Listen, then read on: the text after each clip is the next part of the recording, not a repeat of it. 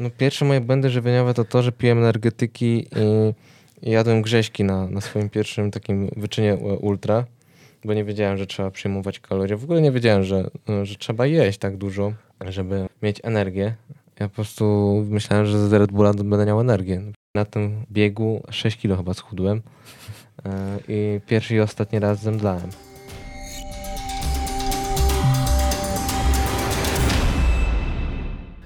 Cześć. 42 195 FM. Ta-da-da, ta-da. Ja dobra, to przepraszam. Cześć, witam Was w kolejnym odcinku podcastu 42 195 FM. Chciałem dzisiaj z Wami porozmawiać o roli doświadczenia w bieganiu, czyli takim aspekcie, który współcześnie, zwłaszcza w dobie technologii, często jest pomijany na rzecz bardziej takich wymiernych cyferek, liczb treningowych, sprzętu, bezwzględnych analiz, które dostajemy tutaj od naszych e, zegarków czy trenerów. E, a wiadomo, oczywiście, że bieganie to, to są liczby, ale myślę, że takie niemierzalne doświadczenia, które e, odbijają swoje piętno, tym bardziej im więcej aspektów e, wymaga dany bieg, również zasługują na dużą uwagę i dzisiaj może właśnie na nich się skupimy. A przykładem może być polski biegacz ultra, biegacz górski Kamil Leśniak, który kilka tygodni temu jako pierwszy Polak połamał magiczną granicę 24 godzin w absolutnie kultowym i legendarnym UTMB. To nie było pierwsze spotkanie Kamila z UTMB, bo pierwszą próbę zaliczył już w 2014 roku, czyli 8 lat temu tuż po skończeniu 21 lat, bo taki jest właśnie limit i w tym wieku mógł w ogóle zadebiutować e, w tym biegu. I o tym właśnie, jaki wpływ miało doświadczenie na ten ostatni sukces, przygotowania, jak wraz z doświadczeniem zmienił się właśnie trening Kamila, e, strategia sama na bieg, odżywianie, regeneracja oraz oczywiście bardzo istotny w tak długich biegach mental. Porozmawiam właśnie z bohaterem tego wyczynu, czyli wielokrotnym medalistą Mistrzostw Polski w biegach górskich. Przed wami Kamil Leśniak. Cześć Kamil. Tak dużo powiedziałeś. Ja słynę z za długich Tak, dokładnie. I jedyne, co mi teraz przychodzi do głowy, to powiedzieć cześć. No i taka... Ba bardzo, bardzo mi miło. E, bardzo fajny wstęp. Um, taki troszeczkę zawstydzający, bo um, fajnie, że tyle rzeczy dowiedziałem się o sobie. No, no rozmawiajmy. Czyli dowiedzieliśmy się jeszcze, że Kamil to, to skromny chłopak, ale ja go tutaj mocno pociągnę na pewno e, za język. Jednak e, zanim wpadniemy w te odmęty treningowych dywagacji, będę próbował e, wycisnąć z ciebie tutaj jak z cytryny całą tą wiedzę, którą zgromadziłeś biegową przez tyle lat. Ja już, ci... ja już chciałem coś dopowiedzieć do każdego z tego wątku, co wymieniłeś, ale mówiłeś dalej, dalej, dalej i tak naprawdę już zapomniałem, co chciałem na początku odpowiedzieć. W sensie nie odpowiedzieć, tylko bo dopowiedzieć. Ja myślę, że do wszystkiego jeszcze wrócimy, mhm. ale najpierw e, chciałem ci zadać kilka takich krótkich pytań. Jeszcze ci nie powiem, do czego dokładnie piję, ale jakbyś mógł odpowiedzieć, jeżeli tak, się zgadzasz. Nie? No może nie musi być aż tak zdawkowo, ale jestem ciekawy, e, czy na przykład często w ostatnich latach spotykasz się z e, niebiegowymi znajomymi, Abstrahując od tego, że jesteś w miarę świeżo mhm. upieczonym tatą, tatą rocznej córeczki, to wiadomo, że w tym okresie nikt jakoś e, na bardzo bujne życie towarzyskie nie może narzekać, ale powiedz, w ostatnich latach niebiegowi znajomi, dużo masz takich e, relacji? No tak, zgadza się. No, no tak. No, czasem tak. A czy jeździsz na przykład często na wakacje niezwiązane z bieganiem? No, chyba nie. No, no właśnie. Czy wydajesz na przykład kasę na E, wyjazdy związane z bieganiem na sprzęt, na rehabilitację i inne tego typu rzeczy? No wydaje kasę na to. No. A ja wiem, do czegoś pijesz, ale pierwsza odpowiedź cię zaskoczyła. A pozwalasz sobie na przykład na używki? Używki? E, w postaci? Alkohol. Alkohol. Narkotyki. No, nie, narkotyki.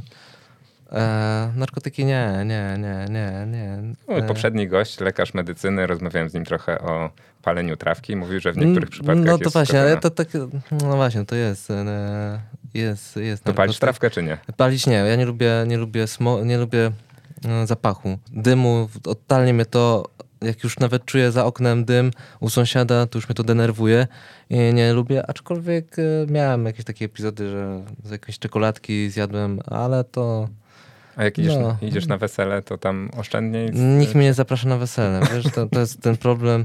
E, ale alkohol... To na stypę może, no. Słucham? Na stypę. Na stypę, no to jak to kolega powiedział, tam e, devolaja jem, więc e, i tyle. Aczkolwiek też nie, by, nie bywałem. Co do alkoholu, czasem mm, zdarza mi się napić e, więcej niż lampka wina, ale to musi być naprawdę być jakaś okazja i musi mi ktoś zaprosić na, na to, żeby faktycznie gdzieś się napić więcej niż e, piwo bezalkoholowe czy, czy lampkę wina. No teraz była taka okazja, bo jestem na rozstrenowaniu, byłem na rozstrenowaniu, więc to, zdarzało mi się chociażby, nie dzisiaj nie, nie, dzisiaj się napiłem, bo jestem z tobą, i nie zamierzałem akurat, ale byłem e, na... A samochodem tu przyjechałeś? Może wszystko przed nami. Nie, nie, jeszcze, tak, przyjechałem, no, no dałeś, dostałem wodę, to też jest dobra, a byłem dzisiaj na wyjeździe towarzyskim, ale jako kibic, także też to potraktowałem jako towarzyski wypad. No nie chciałbym się rozwijać tu alkoholowo no tak, no. jakoś, e, bo zaraz ktoś pomyśli, że, że nagle... Że promujemy coś. Nie, no, dokładnie, aczkolwiek no człowiekiem jestem i zdarza mi się, że, że gdzieś tam spotkam się typowo towarzysko i nie jestem abstynentem w 100%, ale w 90%. A zdarzało ci się zarywać e, w cudzysłowie życie rodzinne dla biegania? Życie rodzinne dla biegania, czy zarywać. E, no były też takie momenty. No, ja akurat jestem osobą, która no, żyła i nadal żyje tym bieganiem. Myślałem, że powiesz e, życie towarzyskie dla, dla biegania albo życie towarzyskie dla rodziny. I też mi się zdarzało tak. E, chociażby, wiesz co, parę lat temu, parę lat temu, niedawno, bo 2019, chyba mogę o tym mówić. Jak, jak robiłem życiówkę na półmaratonie i maratonie, dwa dni wcześniej w dwóch przypadkach, mimo że to był jakiś odstęp, nie wiem, miesiąca, tak mi się wydaje, bo życiówkę robiłem na półmaratonie warszawskim, potem na Orlenie. To nie możliwe, że to był jakiś miesiąc? Nie, w drugą, no albo już nie pamiętam, ale wiem, że to był półmaraton warszawski i Orlen maraton. I w obydwu przypadkach dwa dni wcześniej przyjechałem do Warszawy i zaimprezowałem. I w dwóch przypadkach miałem takiego strasznego kaca, że mówię, kurde, pół roku trenowania do, do tych imprez i taką głupotę zrobiłem na, tuż przed, e, przed startem. Nie, nie żałuję, ale no była to głupota. A wszystko dlatego, że tak naprawdę przez te pół roku nigdzie nie, nie spotykałem się z ludźmi, e, trenowałem sumiennie, nie chciałem zajeżdżać się wieczorami, że no, pójdę na imprezę, a tu mam trening, a przez ostatni tydzień, do, no, tydzień do maratonu czy półmaratonu to jest lightowy i nagle ma się dużo czasu i no, ten czas troszeczkę wtedy zepsułem. No teraz, teraz chyba nie zdarzyło mi się, żebym zepsuł bieg e, właśnie jakimś wybrykiem dziwnym. No właśnie, ja od razu się zdradzę, dlaczego ja ci te pytanie zadaję, bo mógłbym takich pytań tego typu wymyślić jeszcze dużo. Nie wiem, czy mi się udało, ale chciałem jakby sprawdzić twój poziom zaangażowania i jakby ocenić, może sam ocenisz, nie wiem, gdybyś mógł wziąć skalę od 1 do 10, ile profesjonalizmu i poświęcenia i wyrzeczeń jest w twoim podejściu do biegania? Żyjesz jak e, profesjonalny sportowiec w twojej ocenie, czy bardziej lajtowo? Obecnie ciężko, no ciężko mi o to ocenić, to raczej mógłby oceniać jakiś trener, sztab szkoleniowy, ale ja oceniam się, że nadal, nadal mi brakuje takiego podejścia e, osoby, która w 100% się zaangażuje w, e, w trening i wejdzie w ten, e, ten cykl treningowy czy, czy przygotowanie w 100%, bo wydaje mi się, że ja w którymś etapie pęknę i pójdę w swoją stronę jakiegoś tam swojego szaleństwa. Nie wiadomo w którą, ale zazwyczaj tak jest. Ja nawet już teraz trenerem o tym rozmawiamy, że chyba potrzebuję nawet oderwać się od tej rzeczywistości treningowej, od tego rygoru tak. Ale zmienia się to, zmienia się to i, i, coraz bardziej jestem taki skupiony na tym, co robię i może nawet sobie potrafię wytłumaczyć, że to, to szaleństwo albo jakby to powiedzieć regenerację od, od e, biegania potrafię gdzieś komponować już poza zawody. Twój trener Andrzej Orłowski to jest niezły psycholog, tak e, oceniam, tak mi się wydaje. Zdalnie jest w stanie ocenić e, takie rzeczy? Myślisz, że on cię dobrze zna? Czy mnie dobrze zna? Poznaję, bo naprawdę myślę, że poznaję po, ty, po tym okresie. Czy dobrze mnie zna? Jeszcze nie, ale myślę, że dużo się uczy na moim przypadku, e, bo na pewno jestem inną osobą niż. E, no, każdy jest inny i z każdego zawodnika można coś e, innego wyciągnąć, ale na pewno to, że ja nie potrafię utrzymać takiej koncentracji w treningowej, no myślę, że to jest kilku takich zawodników na pewno. Mimo to, że nie potrafię, ale staram się cały czas trwać w tym bieganiu. Zrobiliśmy taki trochę rachunek kosztów tymi pytaniami, tak jak patrząc mm. na to kalkulacją taką zimną, biznesową, firmową, e, liczby wyrzeczeń. Ty powiedziałeś, że z tym jest różnie. A teraz przejdźmy do rachunku zysków, bo tak naprawdę sam go niedawno opublikowałeś na swoich mhm. mediach społecznościowych, gdzie mała dyskusja wokół tego się rozkręciła. Ty chyba nie miałeś takiego celu, żeby mhm. tam się e, umartwiać nad sobą czy utyskiwać, ale wypisałeś starty, e, które w tym roku zaliczyłeś i nagrody, które udało ci się finansowe czy inne tam profity w postaci bonów do sklepów na przykład e, uzyskać. No i tak, ja na to patrzę, mm, tych startów jest sporo, jak na te dystanse, które były. Powiedziałbym, że być może gdzieś tam już cena zdrowia zaczyna wchodzić w grę przy takiej polityce startowej trudno na pewno byłoby mm, wcisnąć tego więcej w przypadku tych konkretnych biegów. Zająłeś sporo naprawdę niezłych miejsc, e, całkiem fajne starty w biegach międzynarodowych. Również na polskim podwórku zaliczyłeś kilka takich imprez, które słyną z tego, że nie najgorzej płacą jak na polskie standardy biegów górskich i udało ci się tam jakieś premie e, zanotować. Oczywiście nie będziemy tu wchodzić w szczegóły, ale sam wyliczyłeś, że 15-16 tysięcy to jest taki bonus, taki dodatek do życia, tak napisałeś, który e, może wyjść na plus, jeżeli chodzi o to twoje hobby i zaangażowanie. No i takie ludzkie pytanie mi się nasuwa, e, jak to się klei? Wiem, że jakby jest pasja, jest miłość do sportu, ale chodzi mi po prostu o to, czy coś takiego, czy taki styl życia, o którym mówisz, takie zaangażowanie da się połączyć jeszcze z jakąś zwykłą pracą zarobkową, czy po prostu ukryłeś coś w tym sprawozdaniu, że jeszcze są, nie wiem, jakieś profity, nie wiem, sponsorskie, inne rzeczy?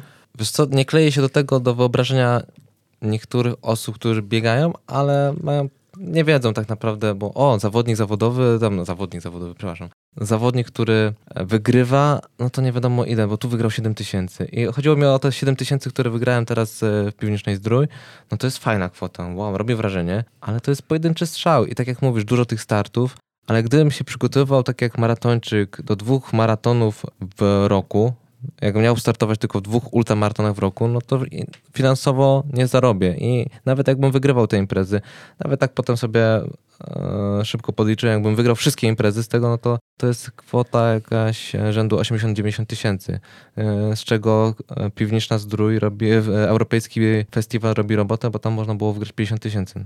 To są nadal śmieszne pieniądze, jeśli chodzi o życie z tego. Więc ja to traktuję jako mm, totalny dodatek.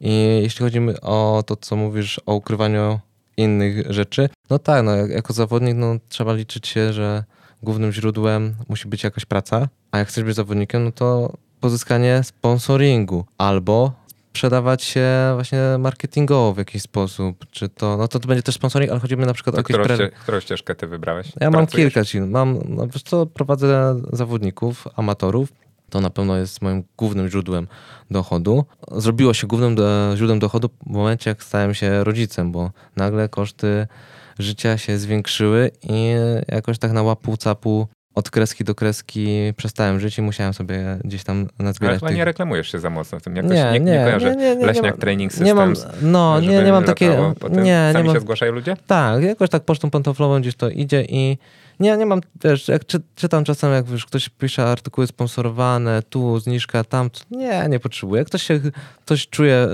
moje flow, no to... No to A co to cię się... charakteryzuje jako trenera? E, nie, nie mogę ci tego odpowiedzieć, bo to chyba pytanie do, do zawodników raczej, co mnie charakteryzuje.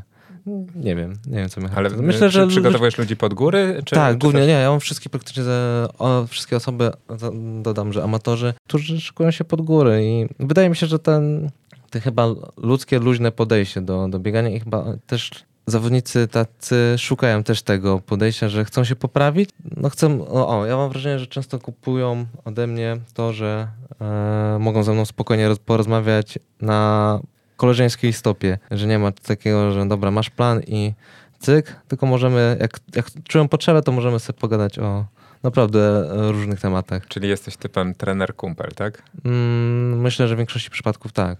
Chociaż nie wszyscy też to chcą. Nie, no oczywiście i nie ma złotego środka. To, to nie znaczy, że trener kumpel jest zły czy dobry, że trener zamortysta jest zły czy dobry. Pewnie mhm. zależy dla kogo i zależy kiedy, tak? E, więc ja tego absolutnie nie oceniam, tylko tak e, byłem po prostu zwyczajnie e, ciekawy. To na pewno, więc wracając do tematu, bo jeśli chcesz, to możemy porozmawiać o tym, ale to jest moje główne tak jakby źródło dochodu teraz, obecnie. No wcześniej było to głównie sponsoring, bo z tego wyszedłem do tego, że utrzymałem się w bieganiu, bo wiadomo, że był taki moment, gdzie zapytałem siebie, czy zostajemy w tym, czy szukamy pracy. Tylko, że ja nie jestem osobą, która nie tyle nie, nie lubi pracować, tylko nie lubi się dostosowywać do pewnego schematu. I za bardzo lubiłem biegać, żeby zrezygnować z tego. I zawsze miałem takie wyobrażenie, znaczy jestem pozytywny, czekaj, jak to Czyli powiedzieć? Do Centralnego Wojskowego Związku No, nie, nie, nie. Sportowego nie za bardzo pasujesz. Nie, nie, chyba nie, nie, nie, nie, aż tak nie. E, I zacząłem chyba od sponsoringu i wiesz co, firma Medpol do mnie e, tak jakby nie zgłosiła się, tylko nabrałem kontaktu z osobą, która tam szefuje i chyba nabraliśmy jakieś takie pozytywne flow, gdzie zacząłem sponsorować i stwierdziłem, że kurde, chyba można w tym kierunku się rozwijać. Jakoś tak się to zaczęło. Potem, potem właśnie ta trenerka, potem też jakieś dodatkowe prace związane z bieganiem, czy to nawet e, pomaganie w organizacji biegów. Też sam organizowałem, współorganizowałem imprezy biegowe i tam od, od, od pierwszego do pierwszego się uzbierało na takich e, półpracach dorywczych, czy, czy właśnie chociażby prelekcja, chociażby właśnie jakiś dodatek w postaci e, biegów. No ale teraz te, te nagrody traktuję jako taki dodatek do, do biegania, bo tak naprawdę to, to jest pieniądz, który potem mogę sobie sfinansować e, obóz treningowy, mogę sfinansować sobie inną imprezę, które wiem, że na przykład nie wygram, na przykład Transgan Canaria czy UTMB. No to po części mogą te koszty mm, pójść na to.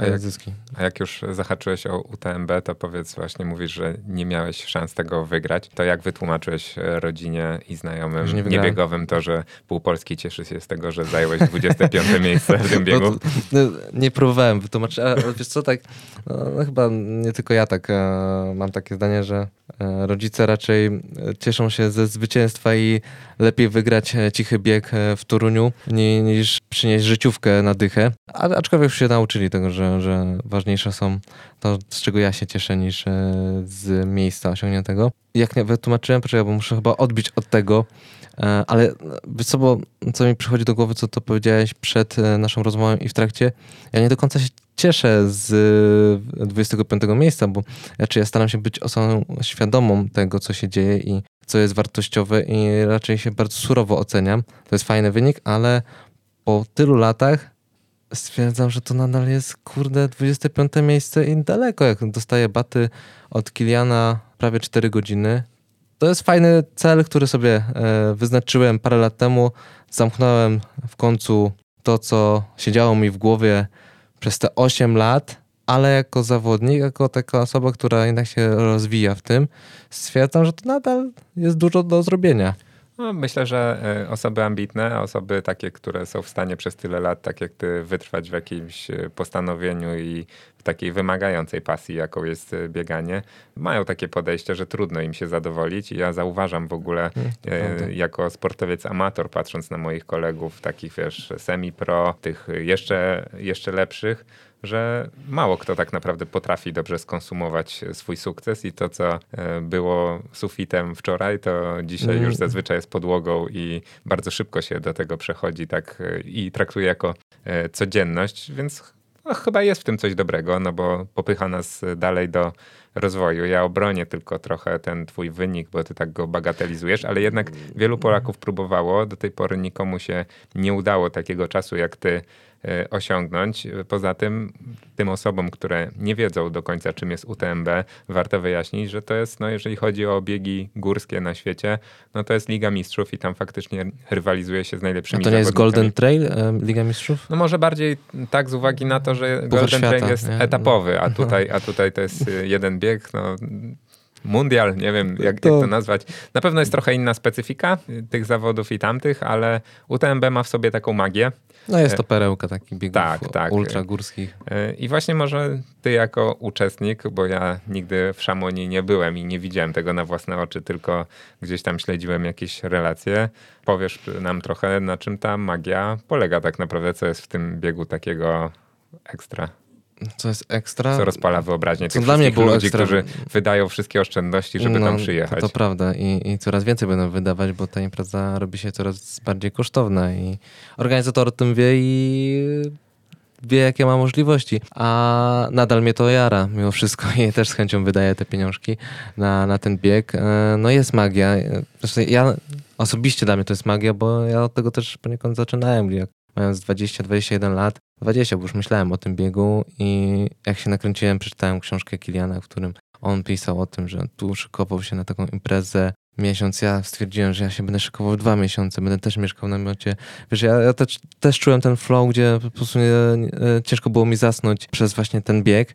Rozumiem, e... że go pokonałeś, skoro on miesiąc, a ty dwa się szykowałeś dwa razy no, dłużej. Wiesz co, też tak myślałem, że to tak to działa. No, tylko nie, nie rozumiałem, na czym polega trening. No bardziej rozumiałem, na czym polega zaangażowanie. Tylko nie wyszło mi z tego zaangażowania, e, że siedziałem w tym namiocie i gniłem, bo tak naprawdę tam było cały czas wilgotno, mokro, e, źle się żywiłem. Ale to, to nie było dla mnie istotne. Ja siedziałem w tym namiocie dwa, e, dwa miesiące i trenowałem latałem po tym, po tym Chamonix wokół tej góry, ale niestety nie, nie, nie, był, nie, nie był taki sam efekt jak Kilianowy. Ale dla mnie to właśnie to tworzyło e, pewnego rodzaju magię, bo w taki sposób zaczyna, zaczynałem, gdzie nakręcałem się na te, na UTMB co roku i to siedziało mi w głowie i to dla mnie osobiście była magia i myślę, że każdy sobie tworzył, tak, każdy z uczestników, tych osób, którzy oglądają te filmy, którzy byli, myślę, że sami sobie taki film wkręcają ale to dobrze, bo jak pojedziesz tam, zobaczysz tą imprezę, tych ludzi, tą górę, myślę, że wsiąkniesz e, w ten klimat. E, myślę, że porównując do jakiegokolwiek biegu w Polsce, da się to kupić. I no, wracając do, do, tego, czym jest UTMB, no to, to już wiemy, że główny bieg jest to 170 km, 10 tysięcy przewyższeń wokół góry Mont Blanc, e, trzy kraje, piękne widoki, chociaż niektóre z tych widoków nie widziałem, bo leciałem w nocy, ale w czasie rekonesansu naprawdę robi wrażenie. Trudny bieg pod względem raczej tego, że to jest dystans i elitarność, bo to też, e, to też wpływa na, na trudność tego biegu. Im więcej zawodników na wysokim poziomie, tym bieg się robi troszeczkę trudniejszy. No właśnie, to wytłumacz mi to, bo nie do końca to rozumiem. Przecież ty jakby jako już teraz doświadczony zawodnik znasz swoje możliwości i jakby to, czy inni zawodnicy są mocni czy słabi, nie powinno dla ciebie um, utrudniać czy ułatwiać biegu. Ty chyba biegniesz swoje, bo już e, znasz e, siebie. Tak mówimy, ale czy tak jest, to każdy się gdzieś w pewnym momencie łapie. Ja nadal się łapię na takie zagrywki swojego ciała e, i umysłu i wiesz, na, na, na przykład w tym roku na UTMB zaczynasz bieg i wyprzedza cię 300 osób na starcie no to już zaczynasz walkę ze sobą i zastanawiasz się, czy jesteś w odpowiednim miejscu i czy wytrzymasz to, tą pokusę, żeby już ruszyć. I wydaje mi się, że w tym roku akurat e, udało mi się troszkę powalczyć sam ze sobą i nie dałem się aż tak podpuścić, ale nadal na każdym kilometrze myślisz o tym, czy, czy możesz dojść do tego zawodnika, bo widzisz tych rywali, widzisz, że z nim już kiedyś wygrałeś, e, czy, a możesz wygrać teraz. I, I w tym roku była przez to, że była tak silna konkurencja, bo było zdecydowanie więcej zawodników mocniejszych, to ta pokusa była coraz silniejsza, bo w tym zeszłym roku, trzy lata temu, już byś był na tej pozycji, a teraz jesteś 40 miejsc dalej i, mhm. i cały czas o tym myślisz i zastanawiasz się, czy może faktycznie może są takie warunki fajne, że, że wypadałoby teraz e, przycisnąć, czy może nie. I przez cały bieg właśnie analizowałem, co mogę sobie, na co mogę sobie pozwolić w tym, e, tym miejscu. Wydaje mi się, że do jakiegoś tam etapu udawało mi się to powstrzymywać, do jakiegoś tam chyba setnego kilometra. Myślę, że dobrze mi się rozgrywał bieg po mojej myśli. Potem pewne komplikacje e, nastąpiły, ale nie wiem, czy to teraz mogę mówić, czy... Jedziesz. E, czy już mówimy o tym, o, bo tak przeszliśmy chyba płynnie do tego o mojego opisu e, UTMB. Najpierw jest opis przyrody zawsze w dobrej książce, więc jedziesz dalej. E, to, to prawda. Nie no, akurat warunki pogodowe były świetne i w tym roku, chociaż ja lubię upał, trochę zabrakło mi tego upału, bo może bym nawet skorzystał na tym e, miejscowo, że w sensie, że moja pozycja by się trochę poprawiła. Może bym stracił czasowo, ale no właśnie, teraz co było lepsze? Teraz mieć dobrą pozycję czy dobry czas? Mm, to sobie może za rok odpowiem, jak wystartuję. Właśnie, no, bo skończyłem na setnym kilometrze, kurde, nie opowiedziałem, co się działo do setnego. Chociaż nic się nie działo do tego setnego, bo leciałem no, bardzo spokojnie i raczej każdy punkt sobie odhaczałem e, swoje te międzyczasy, które zapisałem. I faktycznie 100 kilometrów po prostu przeleciało tak, jakbym nic nie zrobił. Ale zakładałem, że od setnego kilometra zacznę po prostu dać się, e, e, dam sobie, przyzwolę sobie, możesz to wyciąć potem, czy nie, czy, Mogę. bo trzy razy jakoś się zawinąłem. E, Mogę, ale tego nie zrobię. Przepraszam. Zmęczony jestem. Dzisiaj wstałem o 5 rano, żeby pokibicować zawodnikom, a mamy teraz 21 prawie, że. Także od tego setnego pozwoliłem sobie na emocje. O, mogę tak to ocenić, że stwierdziłem, dobra, jak się popłaczę, jak złapię kryzys, to jedziemy z tematem, nie będę się powstrzymywał. I chyba to było błędem, bo akurat na setnym się tak no, nakręciłem na, na ten bieg. E, zbiegłem w połowie do, do, tam, do 115 i przyszedł kryzys. No i, i kończyło się bieganie, rumakowanie i nagle patrzę, moje międzyczasy już się nie zgadzają. Nie wiem, czy to była dobra e, rozgrywka. Wydaje mi się, że nie. Mogłem, mogłem tutaj e, jednak się wyciszyć i przemyśleć każdy kolejny etap, czy faktycznie zjadłem dobrze, czy nie zjadłem dobrze. Wydaje mi się, że tu, tu był mój błąd na UTMB, bo, bo wydaje mi się, że właśnie trzeci raz użyłem znowu, wydaje mi się, że mógłbym e, na tym zyskać, jakbym się uspokoił e, na, na, na tym setnym kilometrze. A powiedziałeś, e, że popłaczę, to tak dosłownie, czy w przenośni? Dosłownie, dosłownie. Nie, Płaczesz nie, na biegach? Płaczę na biegach. Nie wiem, czy widziałeś może jakieś urywki filmów wcześniejszych. No, gdzieś w świecie na pewno są. Ja też mam na Na mecie, na mecie to tak. Nie, na, na mecie, na mecie nie, ja nie wiem, czy płakałem kiedykolwiek na mecie. Akurat No ale się płaczę na mecie. się płaczę, ale ja chyba na mecie już nie płaczę. Znaczy na UTMB dopiero sobie tak zdałem sprawę, że to fajnie, fajnie, że w końcu zamknąłem ten etap i tak tam gdzieś łezka może popłynęła tak po 15 minut po, po tym, jak wypiłem piwo i zjadłem dopiero coś, to za- zacząłem myśleć. Ale na, na trasie płaczę i zawsze to był, uważałem, że to jest mój atut, tajna broń, e, taki as z rękawa, że włączę teraz emocje i zresetuję organizm i zaczyna się zabawa od nowa. I tak było przez wiele imprez, gdzie po prostu ten brak wytrenowania nadrabiałem tak naprawdę tym, że potrafiłem wybuchnąć emocjonalnie i przeciągnąć ten komf- dyskomfort, komfort? Dyskomfort, dyskomfort bardzo wysoko. Po tym podcaście teraz e, większość ambitnych zawodników górskich będzie próbowała płakać przed lustrem na zawołanie, żeby się tego nauczyć po Mhm. takim tipie e, od e, Kamila Leśniaka. Po, polecam, polecam, nie, nie się z ale na co dzień też jesteś taki płaczek? Czy na co dzień? Nie, chyba jestem już taki... Na dosyć- filmach Króla Lwa oglądałeś? Było płakane? Nie, nie, nie. Filmy Nie, to miałem. zimny drań. No, Bez serca tak, jesteś. Jak no, można na to- Królu Lwie nie płakać? Moją, moją ostoją wrzucania emocji są właśnie biegania, a reszta potem jestem twardy. Titanic też nie? Nie, nie, nie wiem czy oglądałem w ogóle Titanic, ty, no kurde. Co za gość. No. Ja w ogóle mało oglądam, ja w domu nie mam telewizora, wiesz, wybacz, ale nie, nie mam telewizji. To skupiony człowiek na bieganiu, tu też widzę, że nie masz tutaj telewizora. W tym hotelu. No, w tym hotelu. Mam, ale schowałem za łóżkiem. No, żeby nie rozpraszał. E, Przychodzi jakiś gość z Poznania, lepiej schowam. Nie mój. no tak, no. Dobra, To bardziej bym się przydał teraz do domu. po, dobra ale wra- wracamy do, e, Do do, tematu, do płaczu.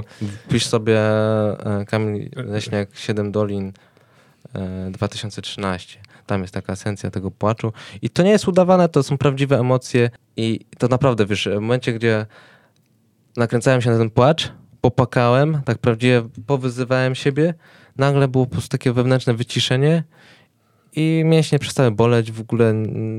Jakby, jak, jakbym, jakbym włączył sobie. Może ktoś, jakiś lekarz w końcu to opisze, e, bo to na, naprawdę jest ciekawe. I przez wiele Mam lat. w kolejce psychologa, więc może No, Pokażę mu ten Może film ktoś to w końcu e, zro, zrozumie, że może ktoś to właśnie wyjaśni, ale e, przez wiele lat tak robiłem, że zażynałem się na maksa. Efekt płaczu był naprawdę pozytywny, tylko że ja w tym samym momencie, jak płakałem, to ja się zażynałem, przyspieszałem, dociskałem organizm i to było złe, Mhm. że wychodziłem też poza swoje tempo, które powinienem teraz utrzymać. Mhm. To traciłeś kontrolę. nad- Dokładnie. I, I to było złe, że ja na, na przykład na zbiegu leciałem na maksa i nabijałem te nogi.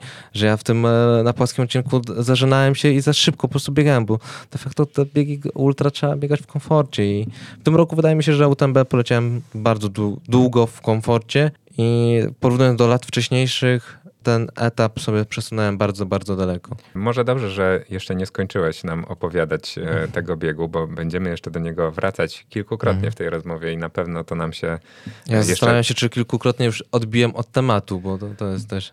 Pewnie tak, ale staram się e, ja kontrolować te sprawy, więc e, zdaj się na mnie i zrobimy sobie może taką agrawkę, że uda nam się jeszcze na mhm. koniec zobaczyć oczyma wyobraźni ciebie z córeczką na mecie, bo to bardzo fajny obrazek, a ja na pewno wszystkim osobom, które teraz nas słuchają i zastanawiają się nad tym e, obejrzeniem tego płaczu Kamila i tej mety, to obiecuję, że wrzucę te dwa filmy e, do artykułu albo pod, do, jako komentarz e, pod postem zapowiadającym ten podcast. A powiedz jeszcze, wracając do UTMB w ogóle jako takiego, bo znasz dobrze tą trasę, jakie są plusy tej trasy dla ciebie jako biegacza, mając na względzie twoje predyspozycje?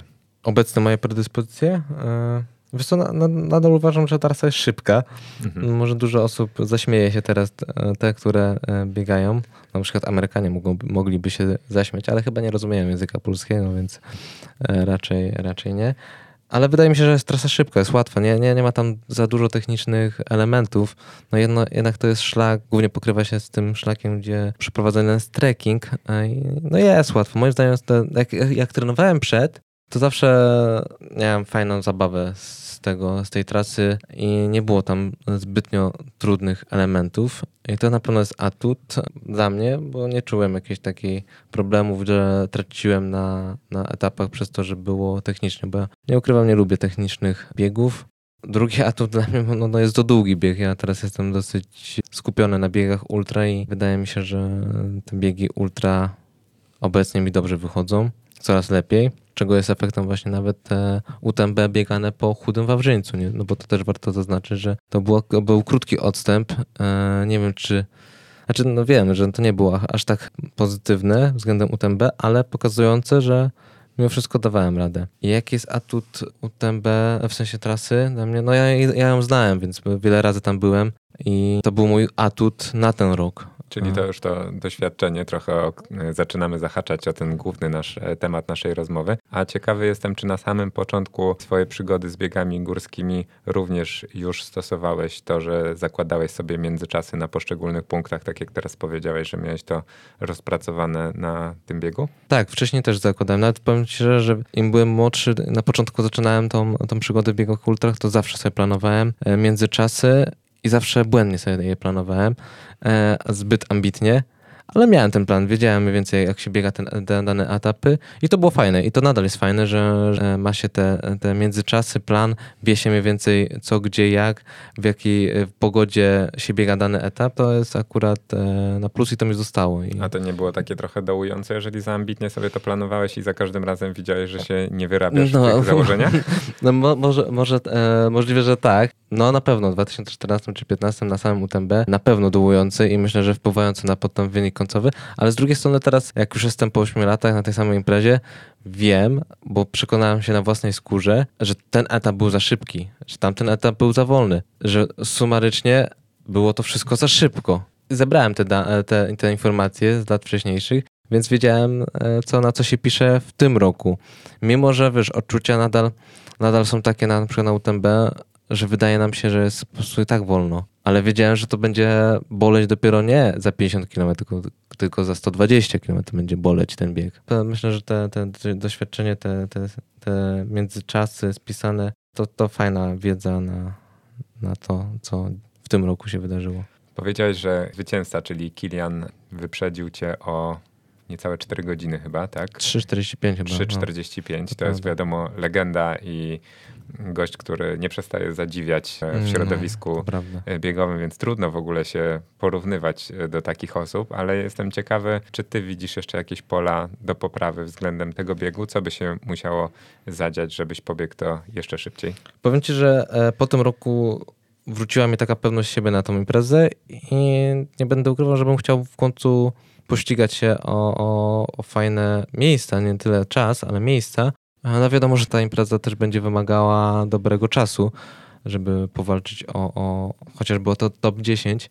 Tych miejsc do poprawy jest no, wiele. No myślę, że, że chociażby to, żeby nie biegać e, chudego Wawrzyńca dwa tygodnie przed, bo mięśniowo może i było ok, ale coś zabrakło, czułem, że nie jestem w pełni wypoczęty, że za szybko, no to no, no logiczne, no 80 km za mocno poleciałem tego chudego wawrzyńca e, przed i nie będę oszukiwał, że nie, raczej nie, jest, nie ma takiej osoby, która, która by nie odczuła w jakimś stopniu e, takich dwóch dużych ultra, nie tyle mięśniowo, ale mam wrażenie, że witalnie przebudźcowałem się tym biegiem tak dużą imprezą przez tak długą imprezą, bo już czułem problemy bardzo wcześnie, bo na 50 km, nie wiem czy czułem problem, bo starałem się nie doprowadzać do poszerzenia tego, co mogłoby się, co mogłoby się zdarzyć. Zapewne.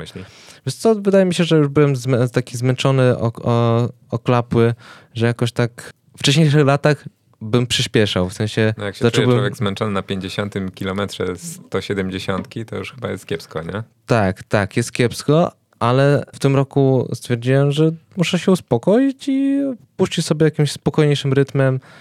Może nawet mogę sobie przejść, spokojnie jeść więcej. Pamiętam, że w 2014-2015, jak, jak było już zmęczenie, to ja dociskałem ten organizm, tak, żeby właśnie doprowadzić do tego płaczu. E, a w tym roku zdecydowanie zrobiłem odwrotną, e, odwrotny myk i jeszcze bardziej zwolniłem, żeby żeby doprowadzić do tego komfortu przez dłuższy czas.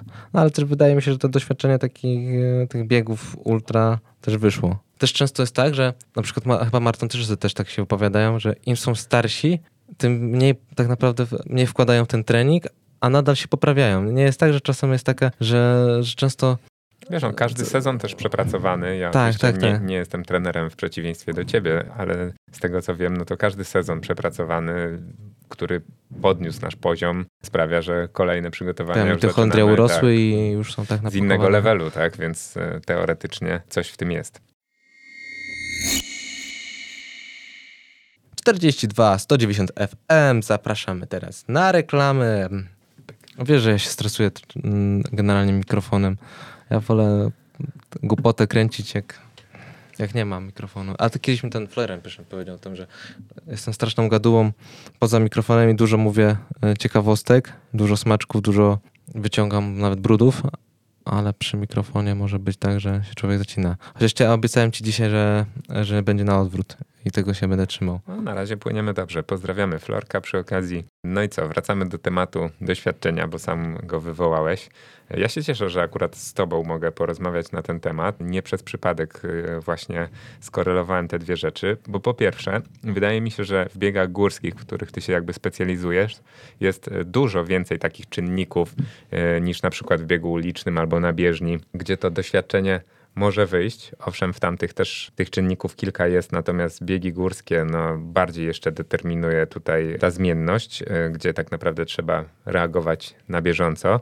No i po drugie, ta twoja droga od, y, od 2014, gdzie też tak naprawdę podszedłeś wtedy do tematu dosyć poważnie. Z tego co wiem, nawet zainwestowałeś 3,5 koła w zakup auta, no, y, żeby tam dojechać, więc domyślam się, że nastawienie było bojowe i to wcale nie było tak, że pojechałeś tylko po naukę, nie? Tak było, wiesz, to dzisiaj to mówię, że może jestem jakimś tam szugudem, gdzieś tam latam w obłokach, ale do tematu biegania mimo wszystko mimo to, że tak się prezentuję, to staram się przygotować. Ja naprawdę mam kajecik do tego, że wszystko mam rozpisane, co i jak mam zrobić i staram się być naprawdę skupiony. Kiedyś mi zarzucono, nawet na bieganie.pl mi zarzucono, jeszcze wtedy Adam Klein napisał o mnie, że gdybym był, nie, nie byłbym taki roztrzepany, gdybym się skupił, to coś takiego użył, mhm. takich słów, gdybym nie, nie, moja koncentracja gdzieś nie poszła na bok, to, to może bym lepiej skończył. Jakoś tak coś na, na, na przepraszam, że nie zacytuję w pełni, ale po prostu taki gdzieś fragment zapamiętałem i mnie to strasznie uraziło, bo ja naprawdę jestem skoncentrowany na biegu. To, że czasem sobie żartuję, czasem sobie zagaduję, to, to nie zmienia faktu, że jestem skupiony na zawodnikach, na rywalizacji, na tym, co, na tych międzyczasach i wydaje mi się nawet bardzo dobrze pod względem innych zawodników potrafię przygotować się do. No właśnie mnie to zastanawiało, to może skoro ty wywołałeś ten temat, to. Że, no, a po ci odbiegam tak, znowu nie, od tematu. Rozmowa jest e, płynna i bardzo dobrze, i ja sobie właśnie zatrzymam się tutaj, wbiję na chwilę kotwicę i mm. rozgrzebmy trochę ten temat, bo faktycznie tak jest. Ja akurat e, na pewno mam podobne spostrzeżenia e, co Adam, tyle tylko, że nie wiem, czy bym to w ten sposób zinterpretował, bo patrząc na ciebie na linii startu kilka razy razem miałem przyjemność zobaczyć e, ciebie, jak się zachowujesz e, przed startem. Właśnie wielu zawodników szuka koncentracji w sobie, zamyka się, gdzieś tam e, wygląda na sfokusowanych. Ty raczej jesteś taką osobą, którą wtedy łatwo jest zagadać, która sama szuka odwrócenia uwagi. Nie oceniłbym tego jako źle albo dobrze, bo ja mam czasami wrażenie, że zwłaszcza w środowisku biegów amatorskich wiele osób za mocno się skupia i w ten sposób się trochę spala, a, a czasami to ucieczka myślami gdzieś tam w inne tematy tak naprawdę może być elementem planu. Pytanie, czy u ciebie to jest celowe, czy po prostu wynika z swojego usposobienia i swojego charakteru? Mógłbym powiedzieć tak, e, no bo odpowiedziałeś za mnie poniekąd. Wydaje mi się, że to taką chyba osobą jestem, że mój sposób na odstresowanie się przed biegiem to rozmowa, kontakt z inną osobą poprzez właśnie ten śmiech, jakąś zaczepkę, aczkolwiek to nie zmienia faktu, że na samym biegu bo, bo co to znaczy koncentracja na biegu? To, to znaczy, że muszę być zamknięty, e, odwal się ode mnie i ja już mam tutaj cały czas liczę w głowie, czy, czy mam jakąś tam furtkę, mogę sobie mimo wszystko e, rozmawiać, być w tym środowisku, ale i tak mam plan, mam skupienie na tym, co, co, co robię. Pytanie, czy to pomaga, bo na przykład pamiętam, że w, ostatnio właśnie już wspominaliśmy tutaj przez chwilę Krynicę, gdzie się widzieliśmy. Ja mm. robiłem relację z tej imprezy i gdzieś tam na nie wiem, 10-15 kilometrze na jakimś podbiegu jeszcze się mijaliśmy. Ty mhm. biegłeś z czołówką, ostatecznie skończyłeś tam trzeci jako pierwszy z Polaków, a pamiętam, że byłeś jedynym gościem, który zagaił, gdzieś tam zażartował do, do osób, które e, stały z boku. E, więc pytanie, czy ty też celowo na przykład właśnie e, w trakcie biegu, żeby się tak nie skupiać na tym e, swoim ciele, na tych odczuciach przesadnie, szukasz takich bodźców sobie, bo to może być pomocne. No to było tylko 5 sekund, a potem się na godzinę wyciszyłem. Nie, mhm. rozmawiałem potem już z Tomkiem, z Kupniem, z Dominikiem Grządzielem. Przez kolejne 40 km sobie coś tam gadaliśmy. No ale na tym też polega ultra, że no ja też zmieniłem taktykę na takie biegi, gdzie muszę być e, wychillowany na tych pierwszych kilometrach i nie, nie spalać się na to. Aczkolwiek odpowiadając ci na to pytanie, no, no ja mam taki po prostu tryb A mia, bycia... tak od zawsze? W biegach raczej tak. Raczej nie przypominam sobie sceny, gdzie byłem zafiksowany, zamknięty w sobie i arogancki. Chociaż powiem ci szczerze, teraz wracając, bo to teraz znowu zakręcę wam słowem, e, że na UTMB bardzo się wyciszyłem przed sta samym startem. E, zrobiłem odwrotnie to, co robiłem e, przez lata i faktycznie pojechałem tylko po pakiet startowy i wróciłem do apartamentu. Siedziałem cichutko, sobie relaksowałem. W sensie w sumie relaksowałem się, ale w, w mniejszym gronie. I na samym biegu też byłem e, raczej zamknięty, bo też w sumie nie miałem kogo zagadać przed biegiem, bo to wszyscy po francusku albo po angielsku. A ja po francusku tylko m'appelle Camille. Tyle. może brakowało mi tych osób do zagadania. Ale wracając do tego, no, no ja taką osobą jestem i mm, nie potrafię w stu procentach, tak jak rozmawialiśmy na początku, że czasem robię jakieś głupie rzeczy i wybijało mnie to z samego przygotowania, ale nadal robotę robiłem główną. E, I to samo tutaj nie przeszkadza mi to, że ja sobie na, na 5 sekund pogadam z kimś, czy tak jak teraz ty czytasz w ekranie, ale cały czas mnie słuchasz. I widzisz, i ja to samo robię na, na biegu. Z kimś e, pogadam, ale cały czas skupiam się, wiem międzyczasy, znam stratę do zawodnika, przeczytam e, wiadomość na, tele, na zegarku i analizuję, ile muszę pobiec na kilometrze, żeby dogonić gościa, czy ile potrzebuję teraz zjeść, wypić. Cały czas myślę o tym biegu, to nie znaczy, że mnie to w jakiś, jakiś sposób rozprasza. Można chyba robić, można być multitaskerem nawet na biegu ultra. Bieganie ultra na tym wymaga, że trzeba wiele rzeczy zrobić e, w trakcie. Bo wiesz, tu pod górkę, tu zbieg, tu trzeba być e, skupionym na wielu, na wielu rzeczach.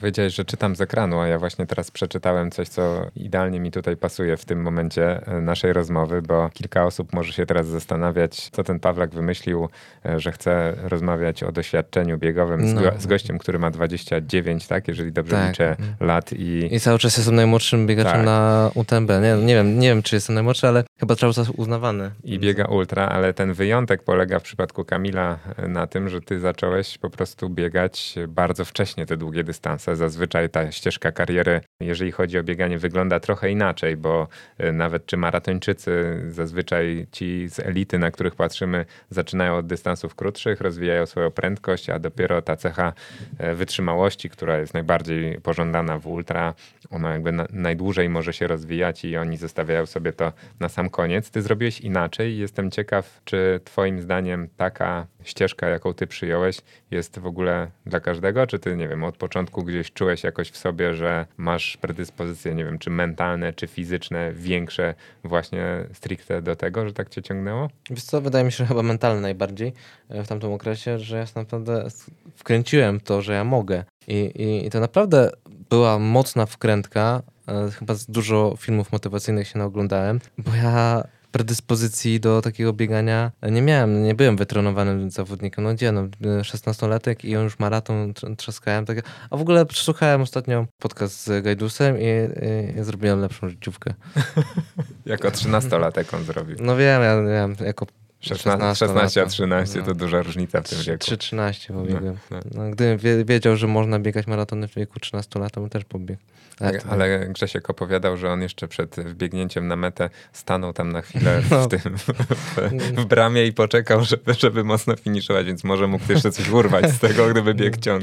Ja, a ja powiem ci, że ja przed debiutem e, na maratonie dzień wcześniej pobiegłem w Gnieźnie na dychę w 35 coś, tak, ja tak coś pamiętam. I potem maraton, ale ja stwierdziłem, że ja tylko polecę z kolegami, to tam zejdę potem, no pobiegnę sobie, ale... Z 35 na dychę, 3,13 w maratonie. Tak, następnego dnia. To słabo. Tak, tak słabo, no, no. Słabe przełożenie. No, no, Stabel nie wychodzi.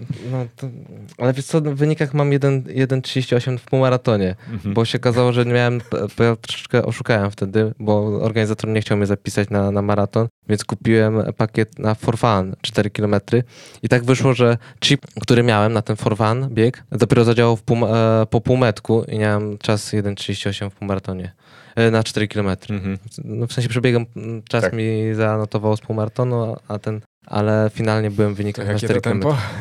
Nie mam pojęcia, ale byłem ostatni. Przedostatni był godzinę przede mną. Hmm, tak. 20 ponad minut na kilometr. No, no to prawda. A wr wróćmy do tego tematu. Ultramaraton. Chciałem, chciałem zapytać, czy to dobra ścieżka kariery, czy to hmm. jest dla każdego, bo są na pewno jakieś jej niebezpieczeństwa. Wydaje mi się, że łatwo po prostu zaczynając od takich długich dystansów się zamulić, zaklepać tymi mm -hmm, kilometrami mm -hmm, i wpaść w taką pułapkę. Tobie to się przydarzyło? Powracając skąd to się wzięło, chyba brakowało takiej osoby u mnie, która by mnie okiełznała, która by zobaczyła jakiś potencjał biegowy i tu myślę, że... Ale pewnie... trenowałeś gdzieś w klubie przecież. Tak, byłem w, w pewnym okresie, grałem w piłkę i sobie myślałem bieganie, bo w, w szkole zawsze mnie ktoś wystawiał na, na, te, na te dystanse długie no i mówię, no może spróbuję też bieganie przy okazji. Nie wiedziałem, bo w piłkę w klubie jakoś mi nie szło. Niby dobrze grałem w piłkę, ale jak poszedłem do klubu piłkarskiego, tak mnie ci zawodnicy jakoś tak, e, moi koledzy z klubu stłamsili.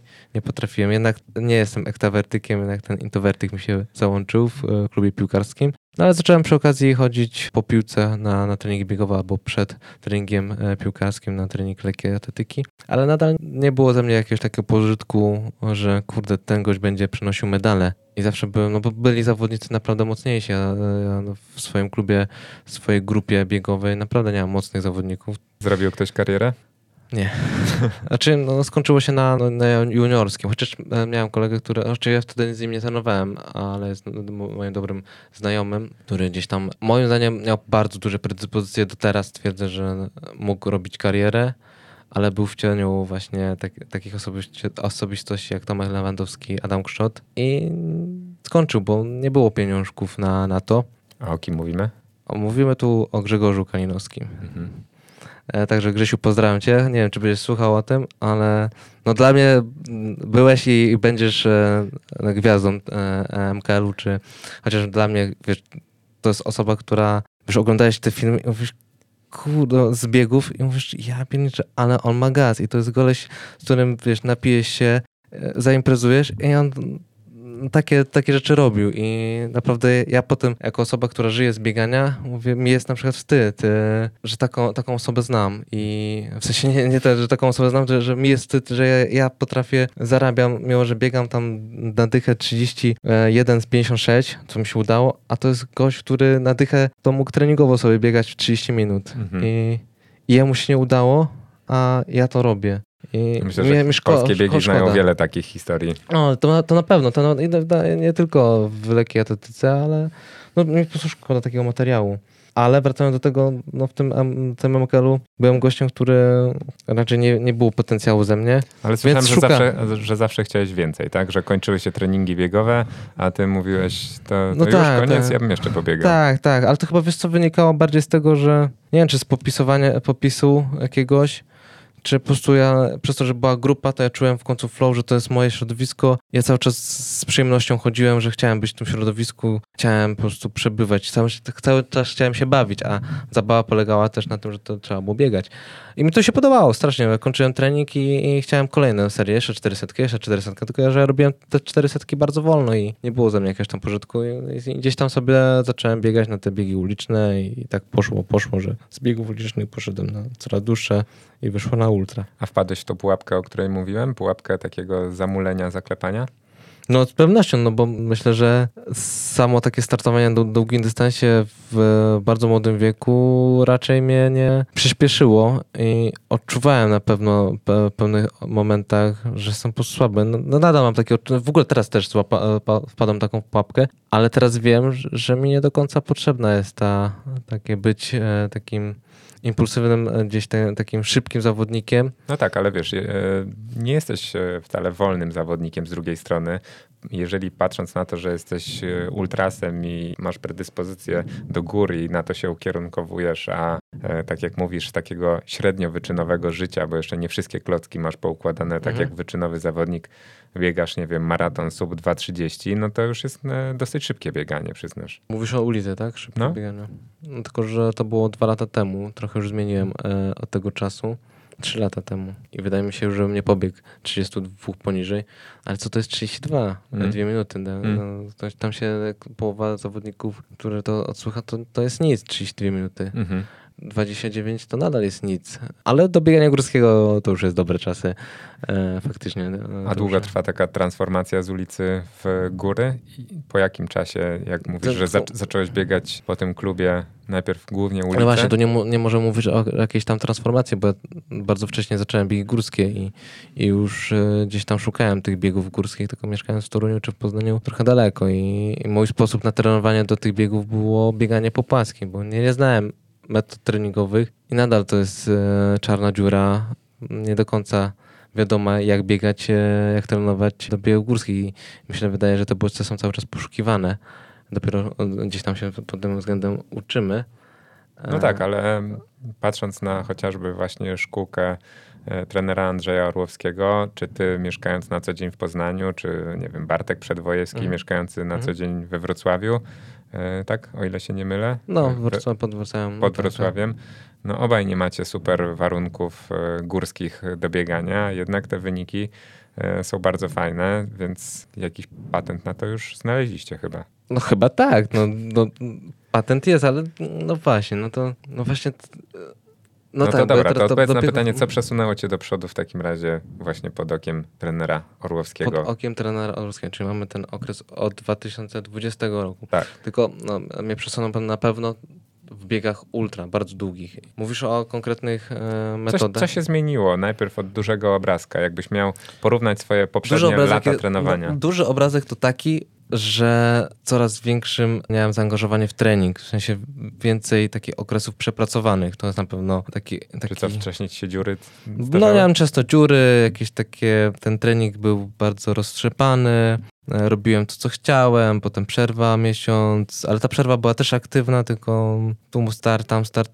Te elementy nadal są do roztrzepania, e, nie ukrywam, że nie, ale wydaje mi się, że tak całokształtowo przez te dwa lata wydaje mi się, że więcej trenowałem, więcej. Na pewno ten okres e, początkowy, gdzie jeszcze przed narodzinami córki, to, to był maks- maksymalnie wykorzystany czas na bieganie, bo zacząłem współpracę i nagle zrobiłem taki przełom treningowy, że ja potrafię tyle trenować i ja czułem, że trenuję jak naprawdę mocny zawodnik, który tylko trenuje. No i tak było w sumie. I faktycznie szybko zrobiłem progres, bo na, na przykład pobiegłem 31,56 na, na płaskim biegu, gdzie ja trenowałem pod bieg górski. Ja dwa dni przed tym robiłem akcent na bieżni mechanicznej. Więc Czyli, na- czyli już łapiąc cię za słówka, pierwsza rzecz na pewno pod trenerem Orłowskim zacząłeś trenować więcej też, tak? Więcej, więcej na pewno w tym okresie, no bo teraz troszeczkę mi życie układa córka, ale nie, też są etapy, gdzie dużo trenuję. Czyli i zwiększyła się objętość, Tak, czy intensywność, czy jedno i Objętość, intensywność się zwiększyła i, to na pewno e, było na plus pod względem biegów ultra. Bo mam poczucie teraz, że jestem, mniej rzeczy mnie rusza na samym biegu, że przez to, że tak ciężko, intensywnie trenowałem na te, te długie dystanse, że już mnie takie klepanie kilometrów nie, nie, nie, nie wyniszcza. To się zmieniło. Druga sprawa to to, że zacząłem robić jednostki pod górę. E, robić jednostki związane z bieganiem górskim, e, czyli korzystać nie tylko z wybiegań raz w tygodniu po, po górach, jak miałem okazję, albo pojeździć i pobiegać sobie po górę, tylko faktycznie zaczęliśmy robić jednostki, czy to zakres, czy to interwały. Czyli co, bieżnia, tak? Bieżnia, w postaci bieżni, ale nawet na wyjazdach górskich, czy tam jak jeździmy na Teneryfę, czy do, do Szklarskiej, to te jednostki, które robiłem na Paskiem, robiłem na podbiegu. Mhm. I to się na pewno zmieniło. Stwierdziłem, że można takie, coś, takie rzeczy robić, a nie tylko dobra, 10 razy 200 i koń, kończymy zabawę z bieganiem górskim. Czyli też masz taką bieżnię, która ma wysoki, duży kąt. E, tak, tak, tak, mam też tam bieżnię. Zgapiłem od razu po, po Bartku i od razu kupiłem tą samą bieżnię. 40% nigdy nie, nie biegałem, bo w sumie to ja nawet bym nie podbiegł takie, na takim procencie, a zazwyczaj to jest między 10 a 20% z tego co pamiętam, to najczęściej się korzystało. Chociaż teraz przez to, że dużo wyjeżdżałem w górę, to jest zakurzona ta bieżnia, to nie jest tak, że... że ale coś można wysuszyć na niej chociaż. Tak. tak. Nie to prawda, ale nie, to, to przy moim e, treningu na, na pewno takie wprowadzenie elementów gór, e, biegania, akcentów pod górę zmieniło się i myślę, że na plus, bo no, no, czuję E, obecnie na każdym biegu górskim, że nie mam problemów z takim utrzymania tempa na podbiegu w perspektywie dłuższego dystansu. To jakie były główne założenia tego okresu treningowego przed UTMB? Czy to był w ogóle twój taki start A? Czy mój start A, czy to był, wiesz co, no, w styczniu, e, czy przed, no chyba w styczniu się e, kończyły zapisy na UTMB. Tak, myślałem, żeby e, skupić się na, na biegu na UTMB, ale z anotacją, że będę walczył o medal Mistrzostw Polski na Chudym Wawrzyńcu, który okazał się, że jest dwa tygodnie przed imprezą docelową i chciałem tak naprawdę zrobić dwa super wyniki tylko nie wiedziałem jak, e, bo myślałem, że będzie to trzy tygodnie, co i tak już było dużym wyzwaniem. I z jednej strony tak sobie myślałem, że odpuszczę trochę te Mistrzostwa Polski, wystartuję.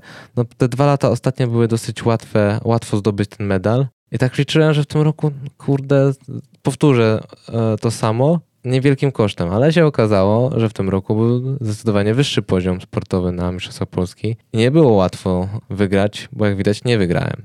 Także e, skończyłem na trzecim miejscu, co też było bardzo ciężkie i z jednej strony nie udało się to, zrobiłem ten swój też pierwszy start A i teraz miałem zrobić e, drugi start A po dwóch tygodniach. To było dosyć ciężkie przedsięwzięcie i nie wiem, czy do końca Zrobiłem dwa super wyniki, bo jestem zadowolony z chudego i jestem zadowolony z UTMB, ale ani jeden, ani drugi nie był tak zrobiony na 100%, bo na chudym, mimo że bardzo mocno pobiegłem, to mam wrażenie, że brakowało mi takiej puszczenia się emocjonalnie, że ryzykujemy i dociskamy na maksa wszystko, co mamy.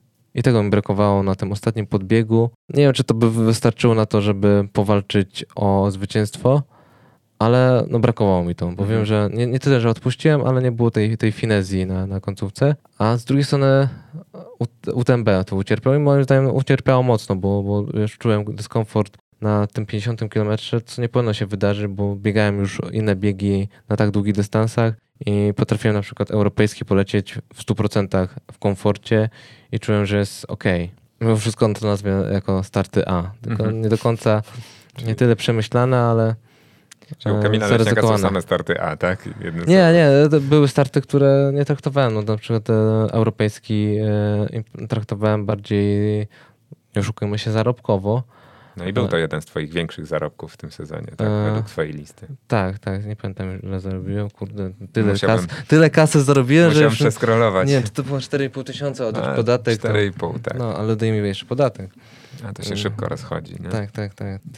Już mówiłem o tym, że gdybym wygrał te wszystkie imprezy, to 80 tysięcy może bym zarobił. Mhm. No to takie, no, wiesz, odjąć jeszcze tego, żeby przyjechać e, tam, e, zapłacić sobie za nocnych, bo często nie udaje się w... A tym Oplem jeszcze jeździsz z 2014? Kurde, musiałem sprzedać, bo on za 3,5 tysiąca był i dużo się psuł potem, ale pojechałem do, na UTMB, drugi raz na UTMB, pojechałem do Lizbony nawet nim, To teraz przy aktualnych cenach paliwa, jakbyś go zatankował do pełna, to mógłbyś podwoić No. jego wartość nawet. tak, tak, tak, tak. A nie chciałbyś kupić, bo chyba muszę go sprzedać. Teraz będę próbował coś, coś Dogadamy się. nowego. Słucham? Dogadamy się. Dogadamy się.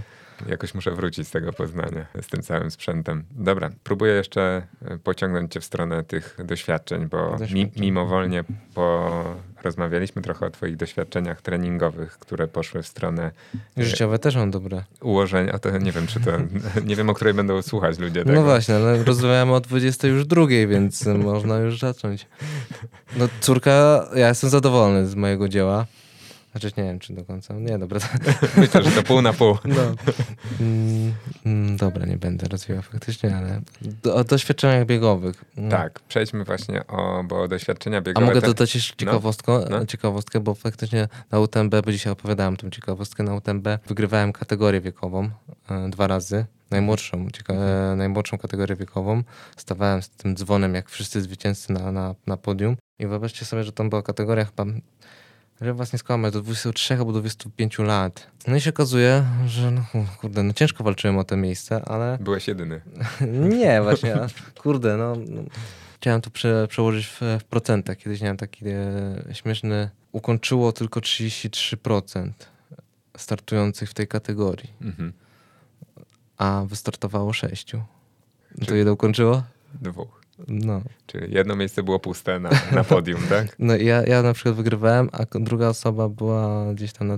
Ja byłem na tam 65, a druga osoba na 1165. No i taka była rywalizacja nasza. E, więc bardzo... W ogóle nie startuje zbyt dużo młodych zawodników. Była edycja właśnie, że sz- sześciu startowało, dwóch ukończyło, potem była edycja czterech startowało i, i ja to ukończyłem tylko, tak mi się wydaje, coś takiego było strasznie mało, to można było na palcach jednej ręki policzyć. I nadal jak patrzę na wyniki z tego roku, to jestem jedną z młodszych osób, która startuje na UTMB. Średnia wieku tam jest chyba 42-45 lat, więc e, wydaje mi się, że jeszcze mogę naz- nawet nazbierać tego doświadczenia, żeby No wiesz, ale powalczyć z Kilianem. wie, wiek to jedno, no wiesz, Kilian będzie się starzał. No, no, ale chyba nie wiem, czy on się starzeje, bo im starszy dwójka dzieci nadal e, no, rekord trasy robi, tak z- jeszcze z COVID-em. No. To prawda. Natomiast e, jeżeli chodzi o doświadczenie, to na pewno na tym biegu nie byłeś w najmniejszej kategorii, bo już e, Mm. parę razy tam faktycznie e, startowałeś i myślę, że nie ma aż tak wielu zawodników, którzy mają tam tyle startów. Dlatego będę jeszcze cię ciągnął w stronę tego, żebyś tym doświadczeniem się z nami podzielił, bo zastanawiam się już może nawet nie stricte o UTMB, bo trochę o tym mówiłeś, ale na pewno takie doświadczenie w biegach górskich przejawia się też w logistyce. Jak ty robisz rekonesans trasy, czy do takiego startu, do którego podchodzisz poważnie, są jakieś takie elementy, na które teraz bardzo mocno zwracasz uwagę, a kiedyś jako początkujący biegacz może nawet byś e, nie zauważył, robiąc rekonesans trasy? Mi się to trochę, nie zmieniło przez te lata. Mhm. Zazwyczaj na biegi poważne, które sobie gdzieś tam układam, no przygotowuję się, jeżdżę na te rekonesansy tras, tak żeby poznać tę trasę od żeby wiedzieć, kiedy się kończy podbieg, kiedy zbieg. Niby to takie banalne, co teraz mówię, ile, ile ten etap ma kilometrów, ile czasu zajmie ten etap, ile mi to zajmie, bo, wiesz, bo są międzyczasy, które, które masz, ale de facto ty możesz to inaczej pobiec. Ale samo takie odczucie, że znasz ten etap, e, jakoś cię uspokaja do tego, co potem będzie na zawodach. I, I to chyba jest bardzo ważne, że takie poczucie, daje to poczucie bezpieczeństwa, że nie, nie stresuję się tym, co, że to kurde, pisali dwa kilometry, a tu już lecę trzeci. Ale to, kurde, jakiś podbieg znowu się pojawił. Miało być na profilu było płasko, jakoś ten mniejszy ten podbieg. I no, chyba to chodzi o bardziej takie poczucie bezpieczeństwa i takie trzymanie kontroli nad tym, co, co zaraz się wydarzy. A taka cała logistyka właśnie przygotowań do takiego dużego biegu, na który jedziesz pierwszy raz, to dużo zajmuje? Mm, Ile wieczorów z palcem po mapie, a, a kurde, ile wiesz co, co, coraz mniej, naprawdę Tak? coraz mniej, bo mm, to nie jest tak, że, że olewam to, bo nie olewam, tylko już mam pewien schemat, który mi się sprawdza i nie muszę aż tyle poświęcać czasu na to, żeby analizować.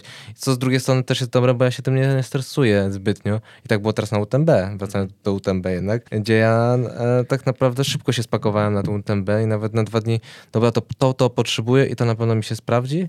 I ciach, ciach, i już byłem spakowany. I nie kombinowałem, naprawdę postawiłem na to, co ja miałem cały czas, połowę sprzętu mam tak starą, ale sprawdzoną i potrzebowałem bardzo mało czasu, żeby się przygotować. Nie przygotować, tylko potrzebowałem mało czasu, żeby być pewien tego, że to jest ok dla mnie. Nie z tego względu, że ja nie chciałem, tylko to już było sprawdzone, prze, przestudiowane i, i ten schemat mi się po prostu sprawdzał.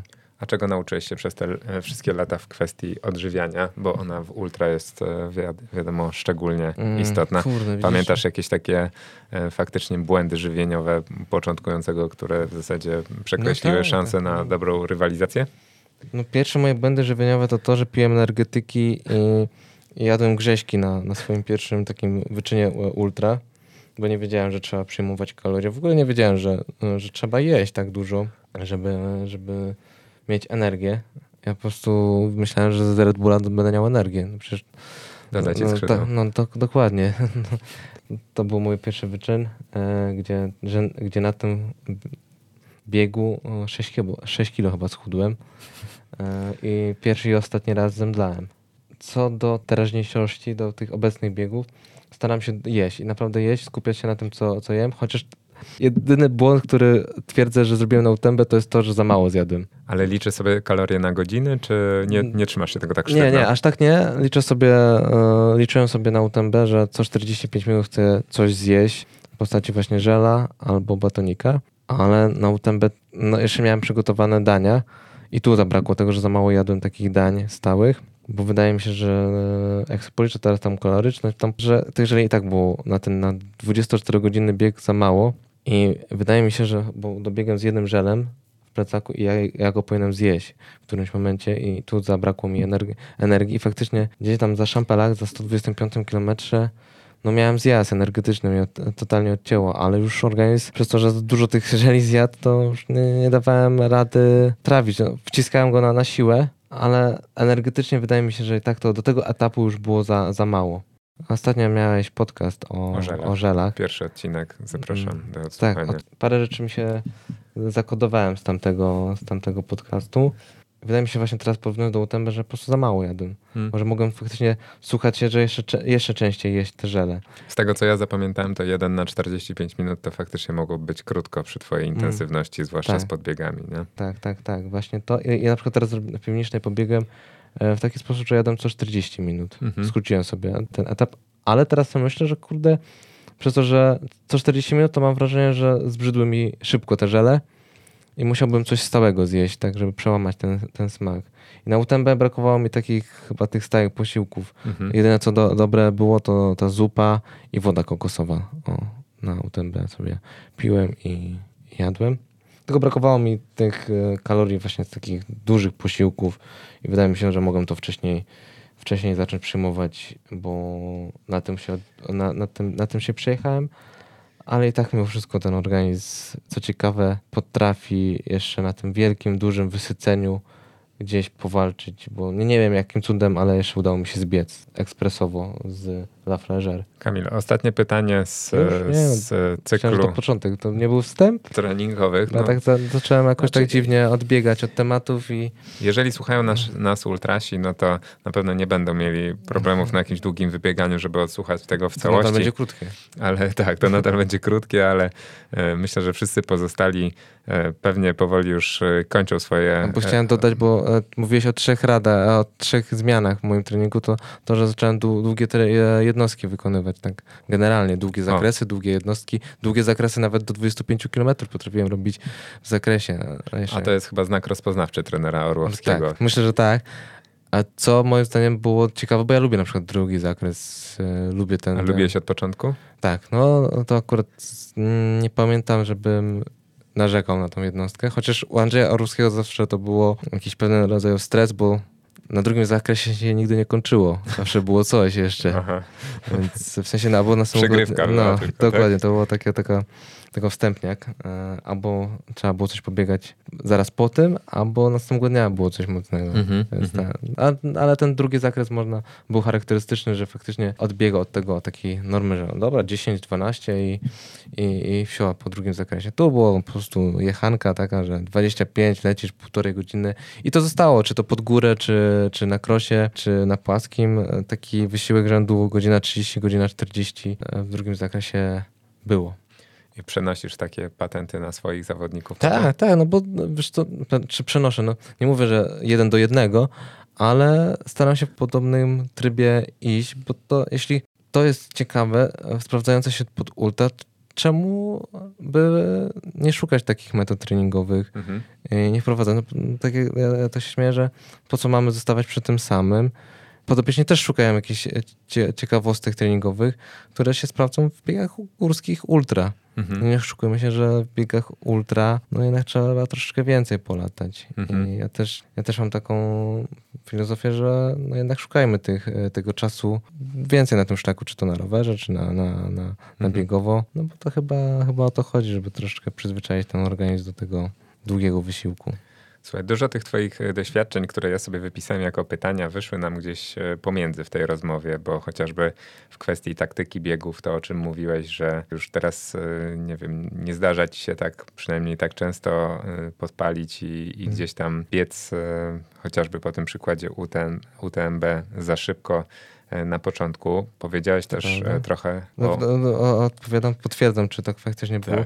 Tak. Dodam tylko, że co do taktyki, to staram się też znać zawodników, którzy wokół mnie się znajdują, żeby ocenić mniej więcej swoje miejsce, czy faktycznie Kamil, ej, ale to jest mistrz świata, to może chyba nie wypada z nim teraz biec. Hmm. Tak miałem na Transgran Canarii, że się chyba trochę podpaliłem, chociaż tam też były inne problemy, które leciałem w pewnym momencie na prowadzeniu Transgran Canarii, to jednego z większych biegów. Mówiąc o rozbiciu, to zacząłem kręcić filmy, że lecę na prowadzeniu z Paulem Kap Paul Kapel przede mną, za mną Hayden Hawks, no to, to, to potem dało mi do myślenia, że kurde, jednak dostosuj e, swój poziom sportowy do, do, mhm. do biegu. Mam nadzieję, że kiedyś może będzie taki poziom, że będę mógł z tymi chłopakami No to jest ciężka porada do zastosowania. Ale do UTMB, do UTMB już sobie dostosowałem swój poziom sportowy. Ciężka porada do zastosowania dla nas amatorów, żeby patrzeć na, na poziom innych, no bo nie są tak rozpoznawalni jak, jak chociażby te nazwiska, o których powiedziałeś. Natomiast e, zastanawiam się, czy oprócz płaczu, na przykład masz już jakiś po tylu latach doświadczeń patenty na to właśnie, żeby rozmawiać na trasie z samym sobą i hmm. przekonywać siebie, żeby może jeszcze trochę zmusić się do wysiłku, to jakich argumentów e, używasz? Nie, co już nie, nie używam argumentów, tylko staram się być coraz bardziej świadomy tego, co robię, dlaczego tu jestem, w tym miejscu jestem i staram się wytłumaczyć, skąd się bierze ten kryzys, czemu mnie teraz boli, albo dlaczego będzie mnie boleć za chwilę, bo był zbieg, albo to już e, jest 7 godzin wysiłku, albo jest już noc, więc e, będzie ten kryzys nocny między trzecią a czwartą i byłem na przykład na UTMB, znowu wrócę do UTMB, wiedziałem, że przyjdzie takie zmęczenie i ono będzie wynikało nie z tego, że to jest wysiłek, tylko przez to, że już organizm chce iść spać, bo będzie tak jak prowadzi samochód i wiem, że o tej trzeciej, na przykład czwartej już mam taki dół wynikający na chwilę, tam dwie godzinki, że muszę po prostu przetrwać to i zwolnić i być świadomym. Wydaje mi się, że ta świadomość w tych biegach górskich jest ważna, żeby wrócić do tego, do tej homeostazy biegowej. Nie wiem, dobrze użyłem tego słowa. Tak. No, ale Każdy mój gość ostatnio jakieś trudne słowo musi To jest trudne słowo? Homeostaza? Homeostaza? Nie wiem, czy to jest trudne, ale bardzo fajnie brzmi i chyba dobrze brzmi. Jest, no, homeostaza chyba to, to, chodzi o równowagę, taką równowagę Balans. w przyrodzie, no i tej, w tym biegu też musi być. E, ja się tu uśmiecham oczywiście, mam nadzieję, że wyczujecie. Mm. No i to, to, to chyba jest takie, jeśli chodzi o takie mówienie samym ze sobą, to raczej mówienie o faktach, mówienie o tym, co teraz, tu i teraz się wydarzy i być e, po prostu nastawiony na to, że może to się wydarzyć i nie być zaskoczonym, że o kurde, kryzys, co teraz? O kurde, pęcherz. No pęcherz może być, co teraz z tym zrobić? Jak jest pęcherz, to czy biec dalej, niszczyć stopę, czy może e, zdjąć tego buta i starać się go już e, teraz e, zabezpieczyć? Mówiłem o tym ładnym obrazku z końca UTMB, gdzie właśnie na mecie cieszycie się razem z e, córeczką. To naprawdę był e, super widok i fajnie się to oglądało. Bardzo chciałem to zrobić. No i właśnie zastanawiam się, bo skończyłeś swoją opowieść na 70, 70 kilometrów do mety, gdzie powiedziałeś, że już dajesz Masz sobie... Masz dwie godziny? Dajesz sobie tego, tego luza i luza na przyspieszenie może tak i, i na puszczenie wodzów fantazji i zastanawiam się, czy właśnie wtedy, kiedy zaczęło się robić ciężko, na przykład już wizualizowałeś wyobrażałeś sobie tą scenę na mecie i miałeś gdzieś tam z tyłu głowy, że e, twoja rodzina czeka na ciebie i to na przykład e, też był jakiś argument, który pomagał ci w trudnych chwilach? Nie, wiedziałem nawet jak, znaczy wiedziałem, że chcę to ukończyć. Nie chciałem e, skończyć tego w 2018 roku, bo bolało mnie to, że nie ukończyłem, mimo że to była najlepsza decyzja, jaką mogłem wtedy zrobić, ale chciałem w tym roku ukończyć, żeby nie mieć takiego bólu psychicznego, chociaż miałem takie duże, powiem, nie dam rady. E, czy ja teraz przekląłem? Chyba nie. No, e, tak, dobrze. E, kurde, nie, da, nie dam rady, bo było po 125, mimo że dostawiałem wiadomość, ty, no już to pewniak, jest 24, to jest pewniak, a ja w tym momencie odbijałem się od jednej strony do drugiej i, i ludzie mi wysyłają SMS, że jest super, a było a ty fatalnie. czytasz te SMS-y? No, ja czytam i tak, bo na, na zegarku mam wyświetlać. A to jest też element taktyki. Warto mieć dobry zegarek, gdzie możesz przeczytać SMS-y, bo widzisz wtedy informacje na temat swoich rywali, na temat um, takich, które prosiłeś wcześniej, ile do, do punktu, jaka pozycja, ile czasu. E, to dobra, od, odbiegamy. No i czytasz te, te wiadomości i mówisz, nie, nie dam rady. A co do, co do córki, no to ja już wiedziałem od początku, że chcę, chcę tak e, zakończyć ten bieg. Nieważne, czy to będę, czy złamię te 24 godziny, czy, czy nie. I na pewno jest to jakieś, jakaś motywacja, chociażby do ukończenia. Ale dodam tylko taki fakt, gdzie zbiegałem na końcówce i łamanym z moim angielskim mówię do chłopaka, z którym przez tam ostatnie 50 kilometrów się tasowaliśmy, bo mówi, no spokojnie, zdążymy na te 24 godziny. A ja mówię, nie, bo ja muszę jeszcze córkę złapać, nie, zdążyć złapać, żebyśmy te ostatnie metry przeszli. Chociaż nie wiem w sumie, czemu mu to powiedziałem, bo wiedziałem, że już to, e, że to już zrobię, ale chyba chciałem po prostu go wyprzedzić i, i, i uciec i zrobić jak największą przewagę nad nim i zdążyć córkę, córkę złapać. Zdążyłeś? Zdążyłem i dostałem, dostałem ją dosyć wcześnie, bo się zacząłem rozpędzać i jeszcze te 600 metrów z dzieckiem na, na rękach, no to powiem ci, że e, wymagające i żeby jeszcze, zawsze miałem taki obrazek, że, żeby tylko nie przewrócić się, no bo jesteś zmęczonym, e, zmęczony, a tu jednak e, jeszcze parę kilo masz na sobie, e, więc to się obawiałem. No fajnie, bardzo fajne. No, no nie powiem, że się nie zwróciłem, bo się gdzieś tam wewnątrz siebie na pewno jakaś taka coś pękło. No i fajnie, że dostałem takie zdjęcie. Nie wiedziałem, że ktoś akurat w tym momencie cyknie i że dostanę te zdjęcia, bo często się e, niby udają, że robią zdjęcia, bo A potem trzeba 10 euro wydać, żeby je kupić. Nie? Tak, Szkoda tak, trochę. tak, tak, tak. Nie patrzyłem na te zdjęcia z oferty, ale jakoś mi się nie do końca podobały, żeby kupować je. Zawodnicy sub-24 powinni mieć w gratisie, nie? Mm, o, że, no ja chyba teraz te, nawet tego nie zrobią, bo tam teraz za, za wszystko trzeba płacić. No co zrozumiem, nie wiem czy zrozumiałe, ale dostajesz jakieś dodatkowe bonusy, no to no niby fajne, ale aczkolwiek nie wiem, czy, czy no to już nie, chyba kolejną godzinę trzeba by rozwinąć. Żeby, tak, a tu nam się zrobiła fajna klamra, więc e, na tak, tym... na UTMB, jak to Tak, dokładnie. 170 więc... km pokonaliśmy. Chociaż opowiedziałem tylko... Chyba nie przy... ma 170 minut, ale może być blisko. To spróbujmy, no, wytrzymasz to? Tu jest ja, teraz, ja nie jestem bo widzę, że masz kryzys. Masz kryzys. To ta godzina. No chcesz iść do toalety, możemy zrobić... Nie, do baru na dół. A, jest tu bar? No na pewno. To Kurde, samochodem przyjechałem. Rano jedziemy razem na, na dole, na dole do hotelu, mówię, że do kolegi przychodzę. To trochę dziwne, dziwne, było. Dziwne jeszcze też było, jak wychodziłem odpicowany z domu od dziewczyny i córki, że idę na wieczór na wywiad. Do hotelu. Do, do hotelu, no właśnie. I, hmm. i teraz, no, teraz pytanie, czy... Ale jutro razem jedziemy rano na jedną milę, więc... A, no to, to może zadzwonię teraz, spytam się, czy... W sumie to po co mam wracać, jak i tak idziemy spać za chwilę. No, od kolacji nie zjadłem. Słuchajcie, nie będziemy w to dalej e, brnęli, bo to się źle skończy. Mam w sumie tak naprawdę na koniec e, temat e, z drugiej strony barykady, mm. bo dosyć poważny, bo przy rozmowie z Góralem nie sposób jest nie wspomnieć osoby, która ostatnio od nas odeszła, czyli pana Andrzeja Puchacza, który był no niezwykłą, wydaje mi się, postacią w świecie polskich biegów górskich, bo pasjonat, organizator, według wielu bez jego zaangażowania polskie biegi górskie na pewno nie miałyby szans obecnie być w tym miejscu, w którym są. I chciałem zapytać ciebie, jak ty osobiście wspominasz pana Andrzeja, bo z pewnością wiele razy wasze drogi się przecinały. Wiesz, no nie wiem, czy jestem na tyle kompetentną osobą, żeby opowiadać o Andrzeju, Ale tak, no, kilka razy zdarzyło nam się rozmawiać i zazwyczaj długie były to rozmowy, bo Andrzej Puchacz był osobą, która lubiła dużo mówić, dużo dyskutować, a ja, ja też jestem podatny na, na pewne tematy y, dyskusyjne i myślę, że Andrzej Puchacz był osobą, która żyła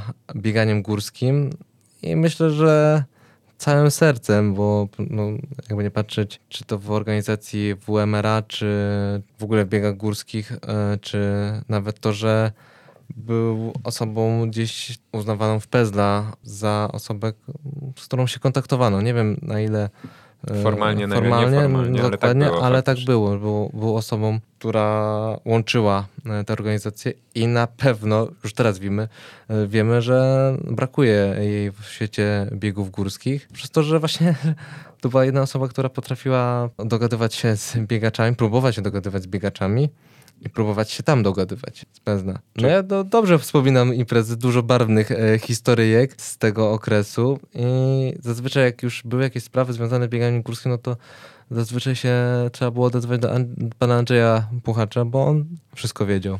Czyli co teraz e, ty znasz na pewno lepiej nastroje panujące w środowisku biegaczy górskich niż ja. E, mhm. Jest takie zaniepokojenie o to, co będzie dalej w momencie, kiedy tej osoby właśnie odpowiedzialnej w dużej mierze e, za, za tą organizację zabraknie, chociażby w kontekście mistrzostw kraju? Tak, bo myślę, że a, pan Andrzej nawet jak coś było nie tak e, zorganizowane, to zazwyczaj potrafił się wstawić i, i gdzieś tam swoje oburzenie przedstawić. No już widać jakieś takie machlojki, że, że jednak coś, coś nie gra, nie styka w tych biegach górskich. Po no, czym widać? No, chociażby po mistrzostwach polskich, które są, będą w, na trzy razy Śnieżka, raz e, Mont Blanc, e, gdzie dostają organizację biegów górskich, e, mistrzostw Polski, ale nie wiadomo w czym. Nagle organizator nie mówi w czym, ale w czym? No, w biegu długim, no ultra, albo w ale to mam wrażenie, że ktoś tam nie wie, co jest czym i nagle jest takie zaniepokojenie. Zaczynamy dyskutować na Facebooku, zaczyna się jakaś taka niby burza, ale o co chodzi? Są te mistrzostwa, nie, nie są, to są kwalifikacje, nie są, ale do czego? Mistrzostwa e, świata są w czerwcu, mistrzostwa na innych dystansach też się gdzieś tam zazębiają. Czy to ma sens w ogóle robienie Mistrzostw Polski w czerwcu? Czy na którym dystansie teraz? W ultra czy w długim? No właśnie, wracamy. E, dorobimy, no jednak organizator mówi, że w, w długim, ale będą dodatkowe mistrzostwa biegów górskich na dystansie trzy razy Śnieżka, ale w ultra? No i teraz ile osób wystartuje? Ile osób ma licencję? Wiesz, takie, takie mhm. dużo pytań, mało odpowiedzi. Nie, nie ma kto odpowiedzieć na te pytania właśnie w Pezna. I druga sprawa, teraz Mistrzostwa Świata w Tajlandii, mhm. na które jadę, ale nagle dużo osób mnie pyta o to. A co ty wiesz na ten moment? No właśnie, ale czy, czy ja mam wiedzieć?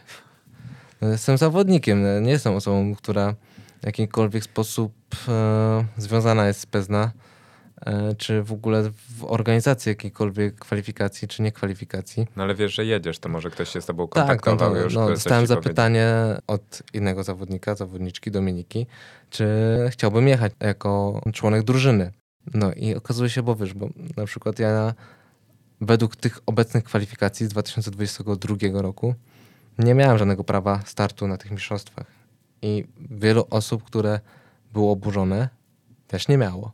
Było tam wąskie grono, które miało kwalifikacje, które sobie wytyczyło Pezla, które było bzdurne w pewnym kontekście, bo, bo tam był dziwny zapis, ale to, to, to, byś musiał przeczytać. I te na przykład kwalifikacje, które ja zdobywałem w, lat, w zeszłym roku, dwa lata temu, były już nieważne, bo okazało się, że mistrzostwa były przekładane i automatycznie oceniliśmy, że to jest nieważne.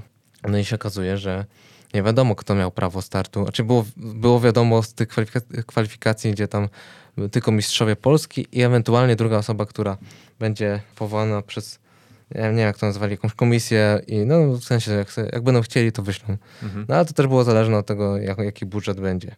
No i okazało się, że budżetu nie ma i, i mogą wysłać mniejszą garstkę ludzi. Nie do końca wysłać, bo na przykład mnie, mnie wysyłają, ale i tak muszę dopłacić do tego interesu. No ale okazuje się, że trochę jest e, machlojka, jakiś syf, bo zero komunikacji e, w tym. To dużo musi dopłacić reprezentant Polski, żeby wyjechać na taką imprezę, żeby faktycznie reprezentować. No, no jak ma tam dopłacę 2000 zł, więc mhm. nie wiem, czy dużo, czy mało. No, jest, jest zgryz, bo wydaje mi się, że po pierwsze nie powinno być tylko sześciu reprezentantów, tylko 30, tyle ile minimalnie można Maksymalnie. zapełnić. Maksym, no, maksymalnie można chyba nawet więcej. Tak? W sensie chodzi o, o to, że na każdy dystans można zro, zrobić skład. O, Okej. Nie wiem, no właśnie nie- źle użyłem, że minimalnie, tylko na każdy dystans Tak. można zrobić skład męski, damski i juniory, więc 5 dystansów, 5 razy 6, e, 30, jeszcze dobrze liczę. To jest e, tak, że można sobie to za, zaklepać, może być więcej tych zawodników. Nie wiem, czy chyba nawet sześciu na każdym dystansie. Tak mi się wydaje, no nie, nie jestem... No podejrzewam, że skoro nawet na Mistrzostwa Europy, które odbywały się za, za naszą y, granicą i wyjazd na pewno nie był tak kosztowny jak lot do Tajlandii. E, Mm. Brakowało pieniędzy, żeby wysłać kompletu chociażby maratończyków i maratonek, to co dopiero na wszystkie dystanse To- e, górskie do Tajlandii wydaje mi się, że, że tym No, ale- bardziej nie ma szans liczyć na coś takiego. To prawda, to prawda, ale chcę dodać, że ja na przykład nie jestem osobą kompetentną, ale też bym chciał wiedzieć. I wydaje mi się, że PESDA powinno być bardziej transparentne do tego. No, myślę, że to kwestia komunikacji. Tak, właśnie, tak, no. tak. I ja mam czas, teraz poczucie, dlatego chciałem dobić do tego wątku. Tak cię o to prosiłem nawet. To E, tajemnica warsztatu.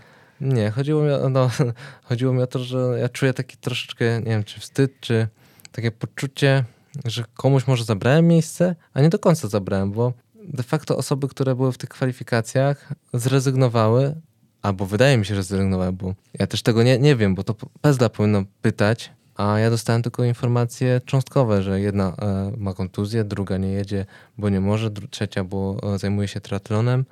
Słuchajcie, E. napiszcie w komentarzu, komu Kamil Leśniak zabrał miejsce. Prosimy te wszystkie Nie, ale wiesz, o czy- czy- przedstawienie swojej Bo sytuacji. na przykład moi znajomi e, piszą, jak to się stało, że e, będę leciał. Mhm. Co mam powiedzieć, że no, bo ja miałem kwalifikację 2021, gdzie było w regulaminie napisane, że mistrz Polski z tamtego roku będzie jechał do Tajlandii. Mhm. No było tak napisane, no to Mhm. mogłem się tak to powiedzieć, ale de facto wiedziałem, że to, ta kwalifikacja nie będzie ważna, bo zrobiła się nowa. A Mhm. z tej nowej też e, część z tych zawodników e, też nie powinna jechać i, i jak to teraz interpretować? Dostałem zapytanie, czy chcę jechać, no, no, no, no każdy by chciał. I to było też moje ryzyko, czy, czy moja teraz e, decyzja, czy pakować, może wydać te 2000, wy- czy nie wydawać. I wiesz, czy odpuścić sobie temat, bo to dziwnie pachnie, czy, czy jednak nie odpuszczać.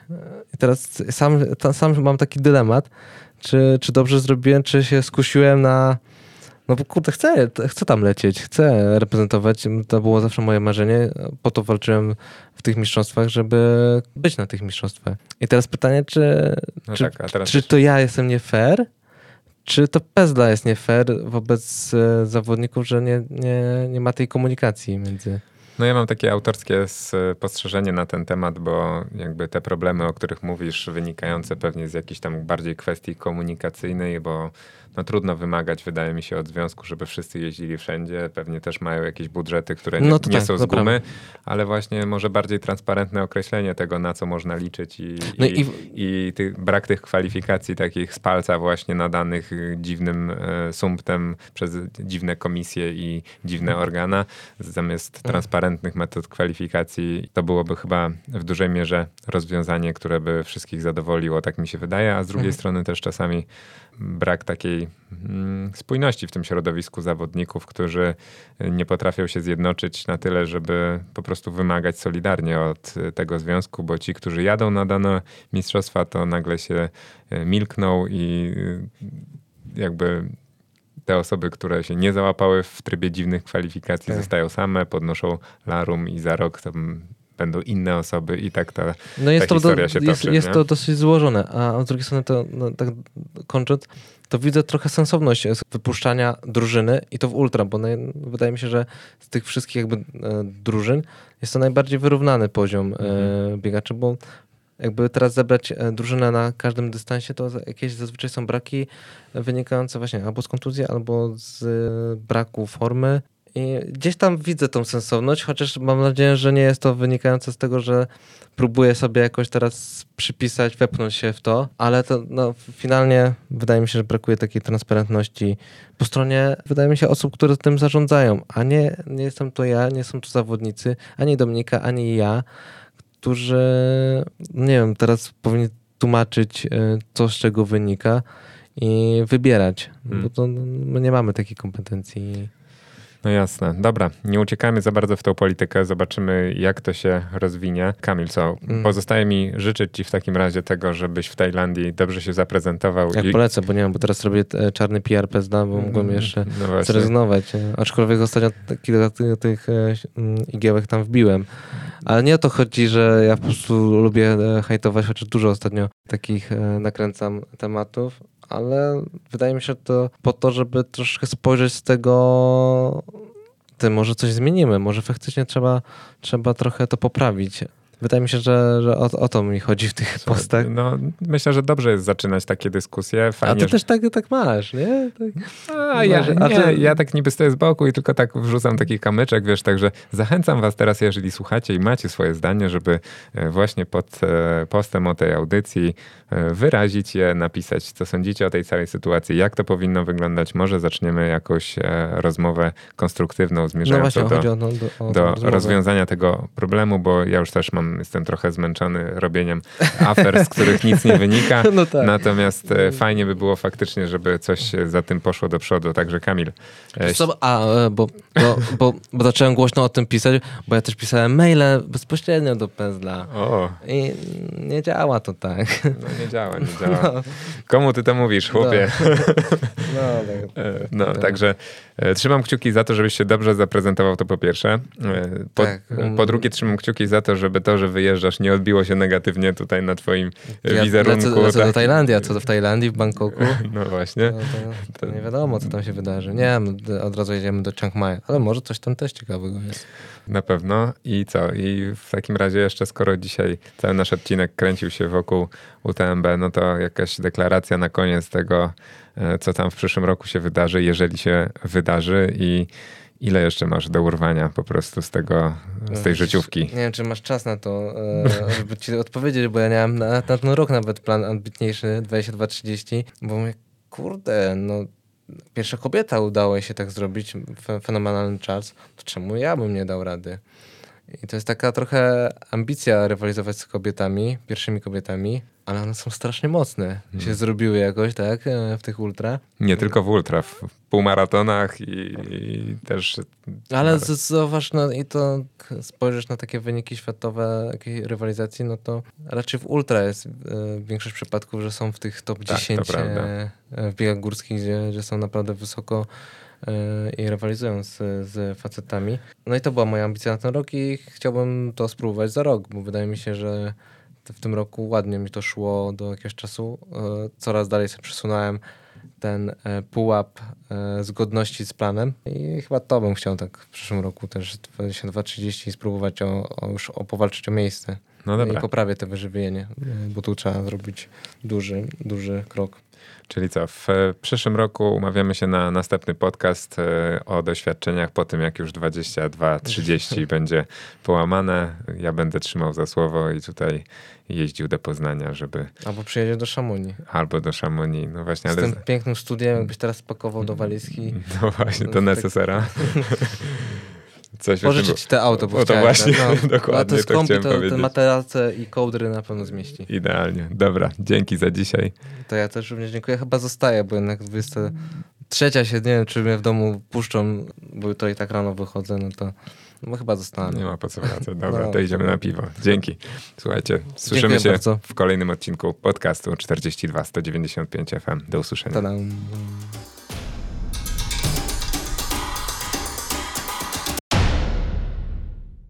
Dziękuję, że zostałeś do końca naszej rozmowy. Myślę, że to oznacza, że była ona dla ciebie wartościowa lub chociaż ciekawa. Ci, którzy mnie znają, domyślają się z pewnością, że nie prowadzę swoich rozmów dla lajków lub poklasku, ale szczególnie te pierwsze pomagają mi utrzymać podcast na wysokim poziomie, jeśli chodzi o jego jakość, merytorykę i regularność. Zależy mi także, aby nigdy nie być zmuszonym pobierać żadnych opłat za dostęp do niego. Stąd moja prośba do Ciebie o wkład w rozwój tych audycji – jeśli słuchasz ich regularnie, to proszę doceń moje starania i oceń podcast na Spotify. Jeśli chcesz zrobić coś więcej, to udostępnij ten odcinek i poleć swoim znajomym. Tylko tyle, a uwierz, że dla mnie to zdecydowanie aż tyle. Zrób to teraz. Dziękuję i do usłyszenia wkrótce.